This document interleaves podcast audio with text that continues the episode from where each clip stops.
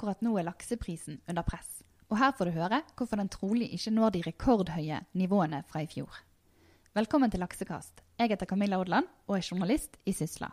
I dag har jeg med meg sjømatanalytikerne Kolbjørn Giske Ødegård i Nordea Markets og Tore Tønseth i Sparebank1 Markets. Da begynner jeg med deg, Kolbjørn. Hva skjer egentlig med lakseprisen nå? Ja, Hvis eh, du mener veldig bokstavelig nå, eh, så er mitt inntrykk eh, etter å snakke med aktører i markedet denne uka, at lakseprisen er under press. Det er, slakt, det er den forventa opptrapping i slakting sesongmessig som, som, man ser nå inn mot nå gjennom andre kvartal. Den er tydeligvis i gang. Det er mye storfisk fra Norge, det er mye storfisk fra Færøyene og Skottland. Så Samtidig så får oppdretterne også hjelp av ei eh, ikke rekordsvak, men i hvert fall ei eh, veldig svak norsk krone for tida. Der euroen begynner å ha lagt nærmere 9,40 enn 9,30 de siste dagene. Eh, så, så det, det, det, bremser jo litt på prispresset. Eh, men, men, det er fortsatt gode priser, eh, og ekstremt gode priser når man ser historisk. Og også eh, priser omtrent på samme nivå som man så i fjor. Og Hvordan vil du si det har vært så langt i år, Tore? Uh, ja, Så langt i år har det vært, uh, det har vært litt delt. Sant? Du starta jo året på et svært svært høyt nivå. og Det må jo tilsies også at det var nokså lave volum i begynnelsen av året. Uh, og Så kommer vi litt ned på, på, et litt lavere nivå, kanskje litt sånn bekymringsfullt lavt nivå i februar. det var nok mange av oss som begynte å bli litt det var rett før Nord-Atlantic i Bergen. Da, da ble det en bekymring i, blant analytikerne, inkludert meg sjøl der vi så at markedet hadde litt problemer med å ta unna eh, priser på godt over 60, da, eh, kan, når, du kan si, når du fikk litt mer volum. Ja, Det var sånn eh, tidlig i mars, det, var ikke det? Ja, dette var slutten av februar. Da vi så at eh, vi fikk en del uker med mer volum, volumvekst i markedet. Og det tok ikke markedet så lett da, på det tidspunktet der. Og Det skapte litt bekymring. Um, så må jeg si, Når det gjelder dette med påskeprisene, så klart, prisene har jo en tendens til å komme høyt i påska. og vi også tror på at vi skal få et fall eh, nå etter påske. Vi har sett de siste par åra at eh, du har gjerne fort en tikroners fall da, fra toppen i selve påskeuka til en sånn liten sånn bunn vi ser kanskje i etterkant av påske. Så, så jeg er enig med Kolbjørn han sier at vi, du vil nok se et prispress, et prisfall i, i tida fremover. Selv om, vi, selv om vi er jo tross alt på et relativt høyt nivå, det må jo sies. Ja for, du Tore sa i fjor høst at i år ville lakseprisene ligge på rundt 63 kroner per kilo. Og så langt ser det vel ut som det har truffet bra? Eh, ja, vi har lagt veldig lenge på Vi lå veldig lenge på par 60, 63, 62, 63. Og, eh, og det har jo vært riktig. Men jeg vil nok si at eh, det, vi, har, vi, har, nok undervurdert til en viss grad effekten av at såpass mye kontrakt har kommet opp i pris. Det, det tror jeg nok er en generell observasjon blant mange analytikere at vi, vi har ikke tatt helt inn over oss hvor stor effekten var av at uh, vi fikk kontraktprisene løfta såpass mye. Um, så det, det, gjør at vi har korrigert oss litt ned. da. Altså Vi er jo på en 59 kroner for fullår da, så, for 20, 2017. Så, så, det er fortsatt et nokså høyt nivå.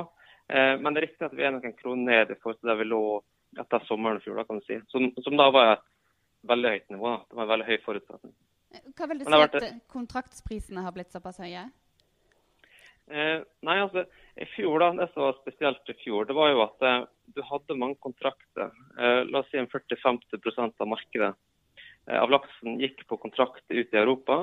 Det er der du hadde en kontraktspris på en la oss si en 40-50 kroner eh, i det området. der. Og Da, da hadde innkjøperne i Europa eh, nokså da hadde de en god mulighet til å kjøpe laks på, på en 70-80 kroner, 60-70-80 kroner, når de tross alt satt med laks på kontrakter på mye lavere nivå. Så evnen og muligheten til å kjøpe i spotmarkedet det var betydelig bedre i fjor enn det vi ser i år, da, kan du si.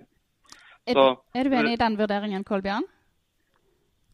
Ja, det, det, det, det, er klart at det er, er du har, du, har, du har, fått mer Du har fått, fått en større andel av totalen eh, på, i, i, spot, samtidig som du har noe, noe høyere volum. Så, så du, du, har, du, har, et faktor der at du, har, har, en mindre Altså du har, har en volumøkning generelt, og, og, og når spot-andelen er noe høyere, så, så, så, blir det klart eh, en faktor som, som, som, som, skaper litt ekstra usikkerhet. Da. Ja, for I fjor var jo lakseprisene rekordhøye. Hva var det egentlig som skjedde der? Ja, eh, Hvis du tenker på eh, fra, fra eh, altså når vi, Det var jo Jeg vil jo kalle det et, eh, eh, et, et år for de store overraskelsene i fjor. Eh, den første overraskelsen var selvfølgelig den algeoppblomstringen som kom i Chile, som tok ut 26 millioner fisk, og som gjorde at det chilenske Eh, slakting gikk fra midt på 50-tallet 1000 tonn eh, per måned og ned til eh, under 30 000 tonn. Vi er fortsatt midt på 30-tallet, og det, skal, det forventes å komme opp igjen senere i år. Så fikk vi overraskelse nummer to i fjor. og Det var nemlig at norske oppdrettere måtte ta ut fisk på mye mye lavere snittvekter pga. Eh, jeg vil si overraskende store biologiske utfordringer. Eh, det så egentlig rimelig greit ut eh, tidlig på året. Og så i hvert fall både vi og jeg tror også selskapene definitivt i sin volumguiding undervurderte de biologiske utfordringene. Og vi skal huske på at det, Hvis vi tar summen av de eh, volumguidingene for de fem eh, børsnoterte selskapene som har virksomhet i Norge, eh, så eh, når de starta året, så skulle det i, i sum opp litt over 40 000 tonn fra året før. Eh, og når året slutta, så gikk det i sum ned 25 000 tonn. Så, bare de fem selskapene eh, mista 60 000-70 000 tonn eh, gjennom 2016 i forhold til hva man opprinnelig forventa. Det er klart at det er jo de forventningene som markedet eh, innstiller seg på. Når den fisken ikke kommer, både fra Norge og Chile, så blir det en slags panikk i markedet. Man må dekke seg inn, man har forpliktelser. Eh, og da, da, viste fjoråret at eh, i en sånn situasjon, i en sånn tilbudsskvis, så, eh, så, så eh, var det tilsynelatende ingen grense på oppsida i det korte bildet. Og så er det spennende å se hva som måte blir effekten av det eh, i det litt lengre bildet, da, som vi er inne i nå, da, 2017-2018. Ja, for Hva tror du om videre i år, hvordan det vil bli med prisene og også tilbudet? Nei, altså, trenger jo ikke å være rakettforsker i denne bransjen for å på en måte forvente at det, Eh, prisene andre halvår er lavere enn i første halvår. Det er jo på en måte nesten en naturlov. Det er veldig sjelden at det er eh, motsatt.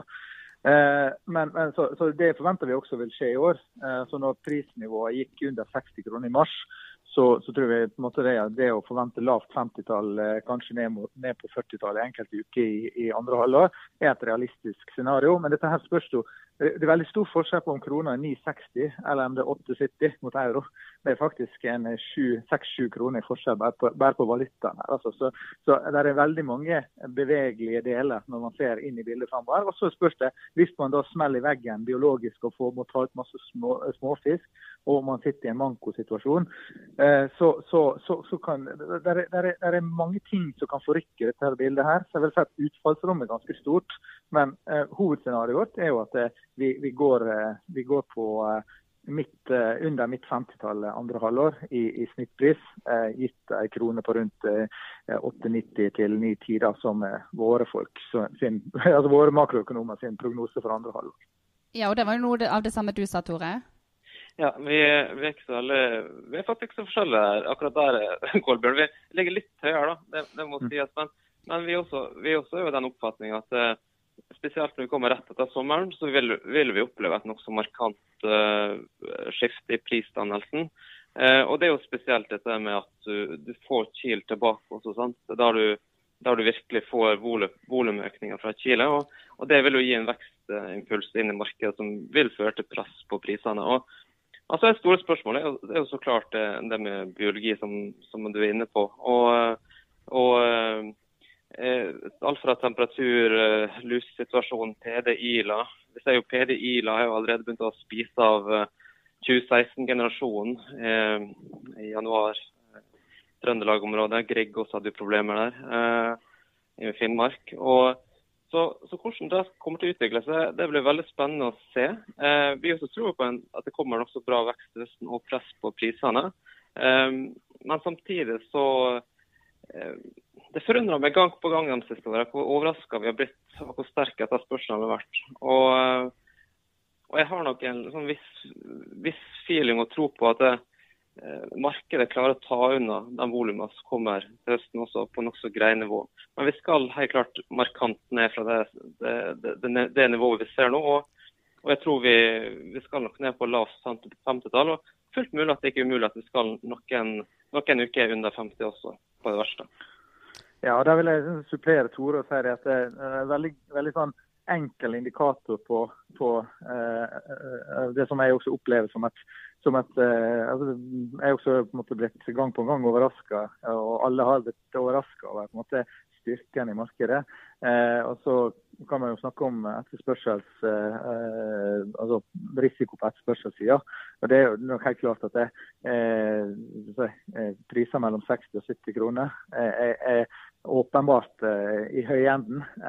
samtidig så, så vi, vi, er vel fortsatt på en måte av de mest holdt jeg på å si, negative i bransjen, i den grad man kan kalle det negativt når det er at den laveste meglerhuset ligger med på rundt 50-51 kroner. Eh, og det, det, er altså samme volum, altså det er for 2018, da, men det er basically på samme volum som vi hadde i 2013 eller 2012. Eh, så, så, og På det tidspunktet så solgte man jo laksen for eh, 30-35 kroner kilo, kanskje under det også. Så, så det, det, sier jo litt om på en måte at det, du, du, har jo hatt en veldig sterk etterspørselsvekst og en veldig sterk utvikling i markedet i, i perioden. og det, jo, det, kan man jo lese rett ut av, av verdiutviklingen. Så det, det, det er ingen tvil i. Ja, og, og har, det, ja, Vær så god, du først, Tore. Ja, ja det, har, det har jo det har stått fullstendig stille volummessig i alle år her. og du har jo hatt en generelt bra underliggende, kanskje en 5-10 etterspørselsvekst. Og så, så, får du, som vi har vært inne på, en euro nok-effekt, som også slår faktisk en del, del kroner. Og det, det, forklarer jo hvorfor vi da ligger nærmere 60-tallet nå, og ikke 40-tallet, som vi gjorde i 2013. Så um, det er jo relativt sterkt. Men, men, og Noe av grunnen er jo at produksjonen har stagnert, som dere sier, og etterspørselen har økt. Og Når eh, tror dere det kan bli vekst i oppdrettsnæringen igjen? Ja, Det er vanskelig å si. Eh, det, eh, det, vi, vi, tror jo at den altså Vi ser jo en, en betydelig vekst i volum eh, eh, fra andre halvår i år. En sånn år over år-vekst. Men veldig mye av dette her er baseeffekter fordi at vi har vært så lavt nede. Eh, det ser vi på en måte Andre halvårsveksten i år eh, blir markant positiv. Og vi forventer også en videre positiv vekst neste år. Men det er jo rett og slett fordi at volumene i Norge og Chile eh, de rykker tilbake til de nivåene som vi har vært. Vi er ikke mye over eh, toppnivået i Norge i 2018, der vi var tilbake i 2014-2015. Eh, og Chile er også en, 2018-prognosen vår på Chile også en normalisering. Eh, så kommer det mer fra øvrige aktører. Eh, vi har et Island som kommer med mer volum. Prosentmessig veldig sterkt, men i tonn er jo ikke, betyr ikke all verden. Men det, det, er fort 10 000 tonn, 10 15 000 tonn kanskje ekstra fra Island da, fra 2015 til 2018. Og så, så, så det, det legges litt på toppen, det også. Men, men, men, men hovedsakelig så er vi inne i Det er, er ikke veldig mye vekst. og Du spurte når veksten kommer, den nye veksten. Uh, og det, det, tenker jeg at vi er på en måte eh, når vi, når vi, når vi kommer til 2019-2020, så tror jeg nok at vi kan se resultatet av veldig store investeringer som har gjort på behandlingssida. Der du har gått fra en tøff behandlingssituasjon med, med kjemikalier, hydrogenperoksid, til mye mer ferskvann, varmvann osv. Og, så og du bygger opp kapasitet på det. Og Fordelen med det er at du, du kan unngå eh, tap av tilvekst og tap av eh, frisk dødelighet når du, måte, eh, man lærer seg til å bruke disse her verktøyene eh, på en mer optimal måte.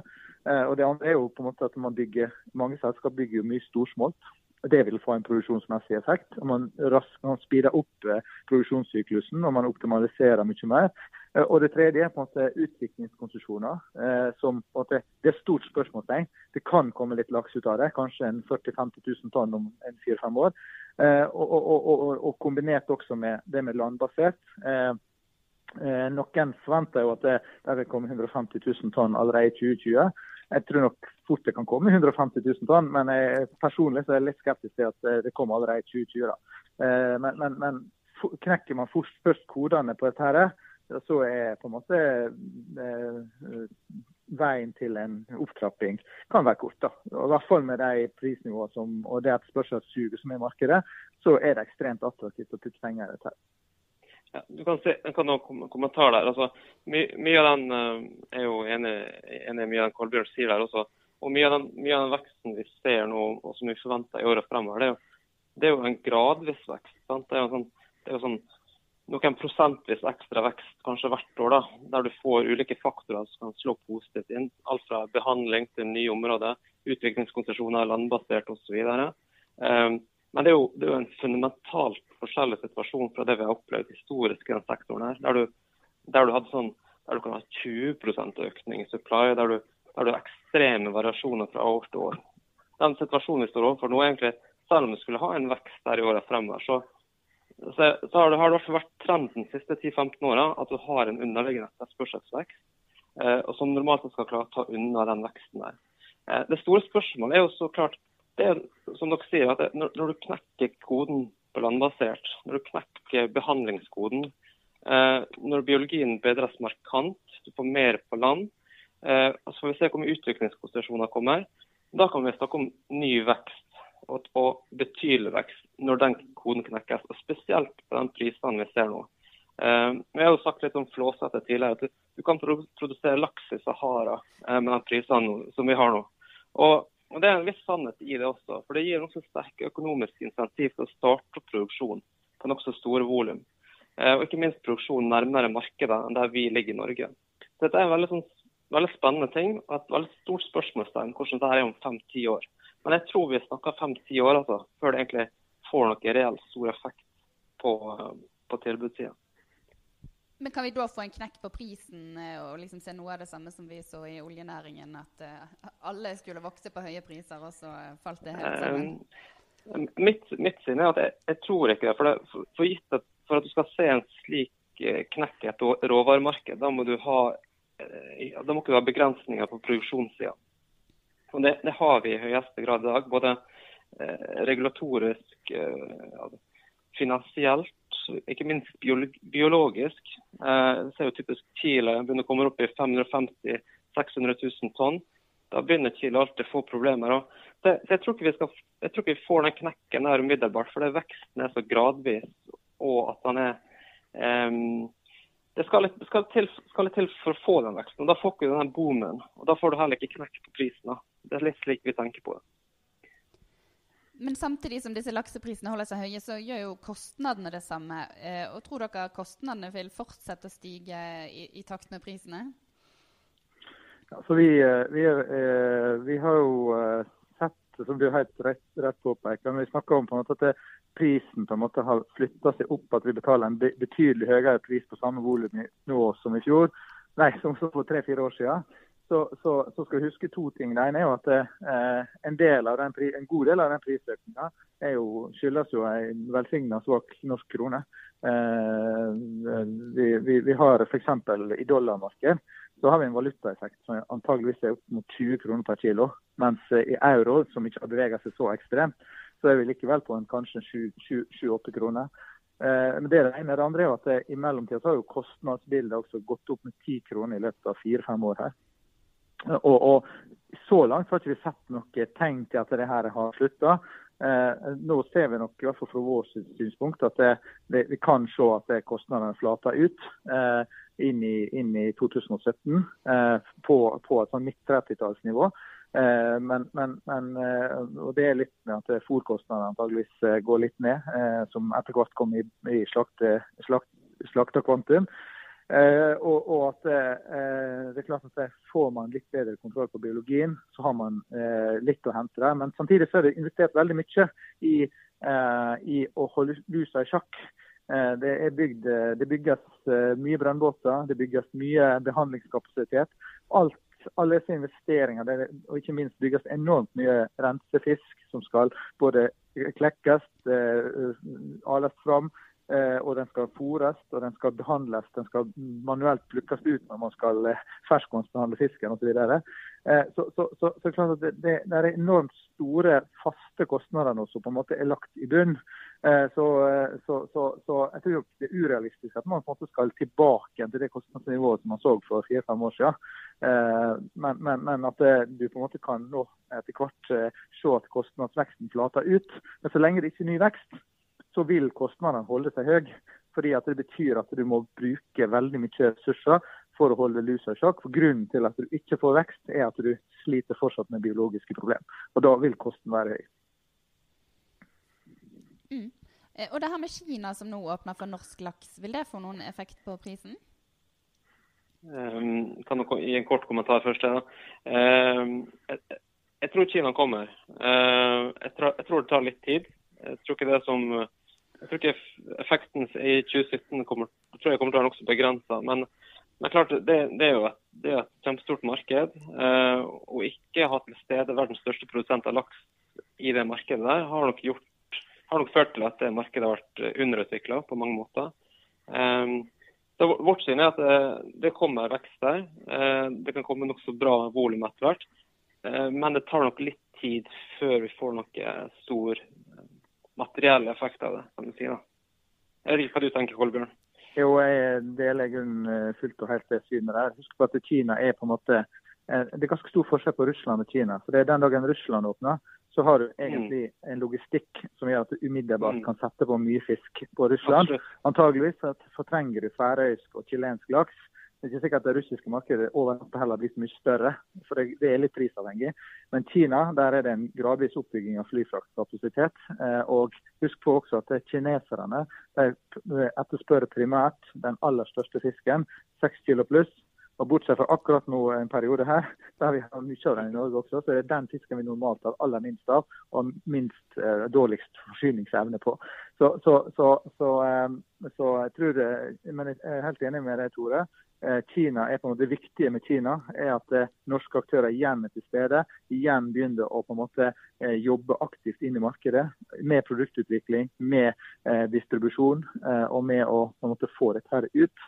Eh, så for potensialet er enormt. og det, Kina er viktig.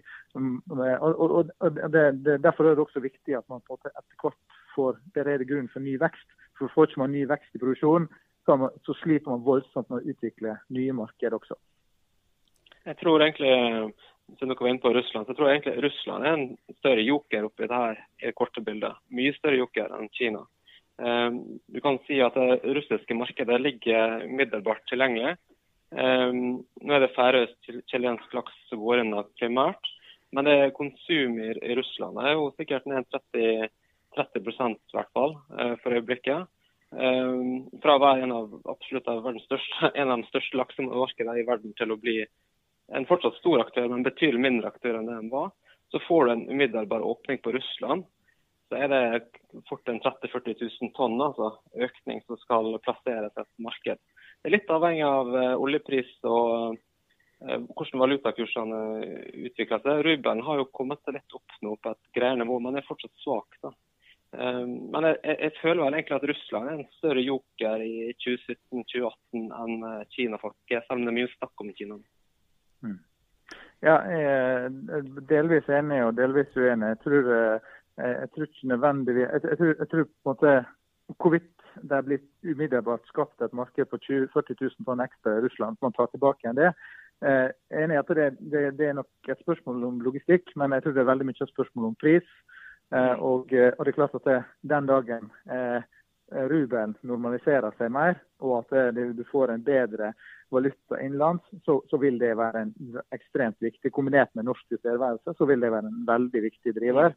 Uh, i, i, det russiske markedet. Så, så jeg er ikke tvil at det, jeg tror sanksjonene i seg selv er, er, på en måte mer at du, du bytter leverandør. Uh, mens uh, skal du, skal, du, få fatt på konsum igjen, så må du gjøre noe med. Altså, det å ha en rekordhøy pris i US dollar, samtidig så har en egentlig rekord, ikke rekordsvak, men en veldig svak rubel, det er en giftpille på russisk konsum. Mm. Mm. Så, så, så, så, jeg tror det er på en måte Eh, jeg tror eh, fiks Ruben, så er Russland tilbake igjen. Mm. ja, og, og, da tenkte vi skulle runde av, men, eh, og jeg har et litt sånn stort spørsmål, så jeg håper dere klarer å svare litt kort på. Men det, nå kommer jo snart kvartalsresultatene til sjømatselskapene, og, og de var jo også rekordhøye i fjor. Eh, vil de fortsette med like sterke resultater nå i år? Jeg kan, kan si kort kommentar først her. da. Det er jo nei, klart det blir et veldig sterkt kvartal for de fleste. Eh, det vi ikke har snakka så mye om eh, i denne diskusjonen, her, er rett og slett at realiserte priser og kontraktspriser har kommet opp nokså bra eh, gjennom siste året. Så selv om spotprisen eh, skulle ende opp svakere i 2017 enn 2016, så vil jo realisert pris for de fleste oppdrettere være på et betydelig høyere nivå. Spesielt Marine Harvest og de store aktørene som har mye kontrakter. Så ja, det blir et relativt sterkt, uh, sterk kvartalsesong, tipper jeg. Er helt enig. Det, det, det, det er, for første kvartal så er jo spotprisen i snitt i år høyere enn i fjor samtidig som eh, også kontraktprisene er høyere. Så, så første kvartal blir jo, blir, vil bli veldig, veldig mye bedre enn i fjor. Eh, og Jeg er også enig på årsbetraktninga. Eh, vårt hovedscenario er at eh, eh, mens vi forventer at toppen i spotmarkedet var i Q4 og ligger bak oss på 67 kroner, så, så, så forventer vi at eh, toppen i, i inntjeningssyklusen i denne omgang eh, blir kalenderåret 2017. Så det blir bedre inntjening for industrien generelt i 2017 enn eh, det var i 2016. Det, det, det er helt klart. Og Så er det også en nyanseforskjell. Eh, de selskapene som har eh, høyest kontraktsandel, vil selvfølgelig få en størst eh, forbedring av det her. Eh, og så er det litt forskjell på varigheten. Noen har veldig korte kontrakter og får rulla inn dette fortere enn andre. Men alle sammen vil gå opp eh, i realisert kontraktspris. Eh, men noen tar lengre tid enn andre. da. Ja, og da lar vi det være siste ord. Tusen takk skal dere ha, begge to. Bare hyggelig. Du har nå hørt på Laksekast, Sysla sin faste podkast om havbruksnæringen. Du kan abonnere på Laksekast i iTunes eller din faste podkastspiller. Kom gjerne med tips og innspill til kamillaalfakrøllsysla.no. På gjenhør.